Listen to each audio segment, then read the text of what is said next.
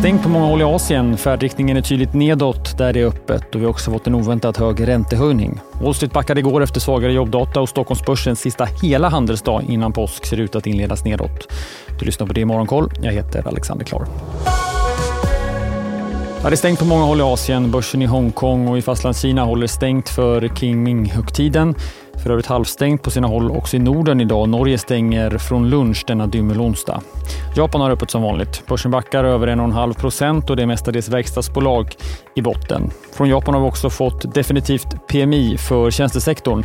Den steg återigen upp något från det preliminära utfallet till 55 för mars och det är tredje månaden i rad i år som tjänste-PMI stigit. Centralbanken på Nya Zeeland höjde sin styrränta oväntat mycket. Det blev ytterligare 50 punkter upp till 5,25. Marknaden hade räknat med en 25-punktshöjning. höjning. Det här stärkte såklart landets valuta. Igår lämnade Australiens centralbank räntan oförändrad på 3,60. Även Sydkorea har öppet idag. KOPS-index stiger knappt en halv procent efter att Wall Street igår föll på svagare arbetsmarknadssiffror. Både Nasdaq och S&P 500 ner drygt en halv procent samtidigt som pengar tog skydd i räntorna som backade. Tvååringen har backat nästan 15 punkter sedan igår till 3,86 och tioåringen 10 punkter till 3,35 nu på morgonen.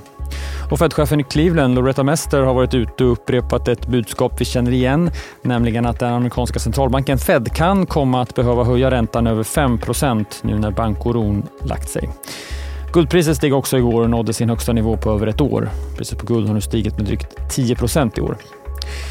Mycket av mediefokuset igår var på den tidigare presidenten Donald Trump som åtalas på 34 punkter. Det rör sig om förfalskade affärshandlingar och flera fall där Trump misstänks ha betalt pengar till kvinnor för att de inte ska berätta om relationer med honom.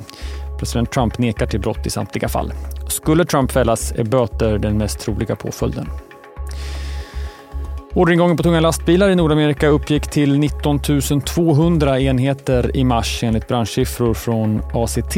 Det är något lägre än vad vi såg i februari men samtidigt högre än inledningen. Vi är specialister på det vi gör, precis som du.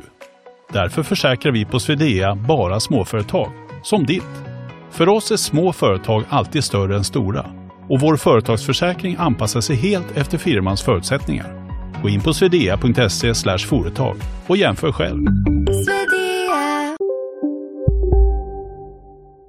Ledningen i januari i år.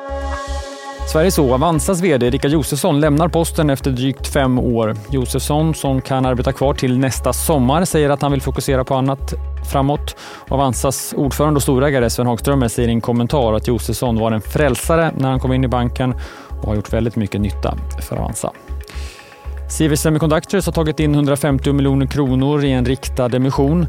Emissionen gjordes på kursen 7 kronor och 25 öre vilket innebär en rabatt på drygt 9 procent och innebär en utspädning på ungefär lika mycket.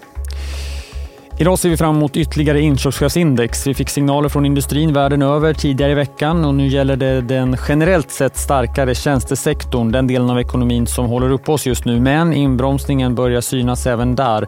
För svensk del föll ju tjänste kraftigt i den senaste mätningen under 50-strecket ner till 45,7. Vi har ju fått data på bland annat detaljhandeln under förra veckan som pekar på en snabbare förändring nu och att inflationen i hand med stigande räntekostnader sätter press på hushållen. Halv nio är tiden för svensk del. USA och siffror från ISM kommer i eftermiddag klockan fyra. Senast kom tjänstepremiet in på stärka 54. Däremellan en del definitivt PMI-data från Europa. Jag kan nämna tysk och fransk som väntas bekräftas fortsatt på ganska höga nivåer. 54 respektive dryga 55. Och sammanräknat för euroområdet väntas också dryga 55. Idag kommer också den amerikanska arbetsmarknadsrapporten från den privata aktören ADP. På fredag, när vi likt eh, börsen har påskstängt på DTV så kommer den officiella jobbrapporten som väntas visa en sysselsättningsökning med 240 000 personer i mars och en amerikansk arbetslöshetsnivå som ligger kvar på 3,6 procent. Idag kommer också månadsstatistik från de båda nätbankerna Avanza och Nordnet. Dessutom är Avanzas VD Rickard Josefsson med i Börsmorgon i DTV som startar som vanligt kvart i nio och berättar mer om varför han kliver av VD-jobbet. Se programmet live på sajten di.se e eller lyssna som podd senare på förmiddagen.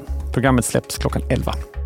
Ni hittar det i er poddspelare och passa på att prenumerera så missar ni inte heller några nya avsnitt. Det är Morgonkoll är tillbaka en sista gång för veckan imorgon. Jag heter Alexander Klar.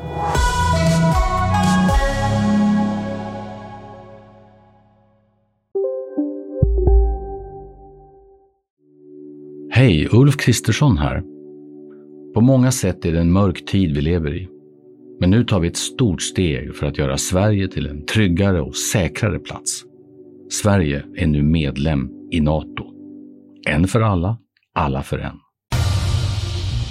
Expressen gör varje vecka podden Politikrummet där vi djupdyker i det senaste och viktigaste inom svensk politik. Med mig, Filippa Rogvall, som programledare tillsammans med mina vassa kollegor. Och det är ju ni som heter Thomas Nordenskjöld, Anette Holmqvist och Viktor Bartkron. Politikrummet kommer med ett nytt avsnitt varje tisdag. Vi hörs.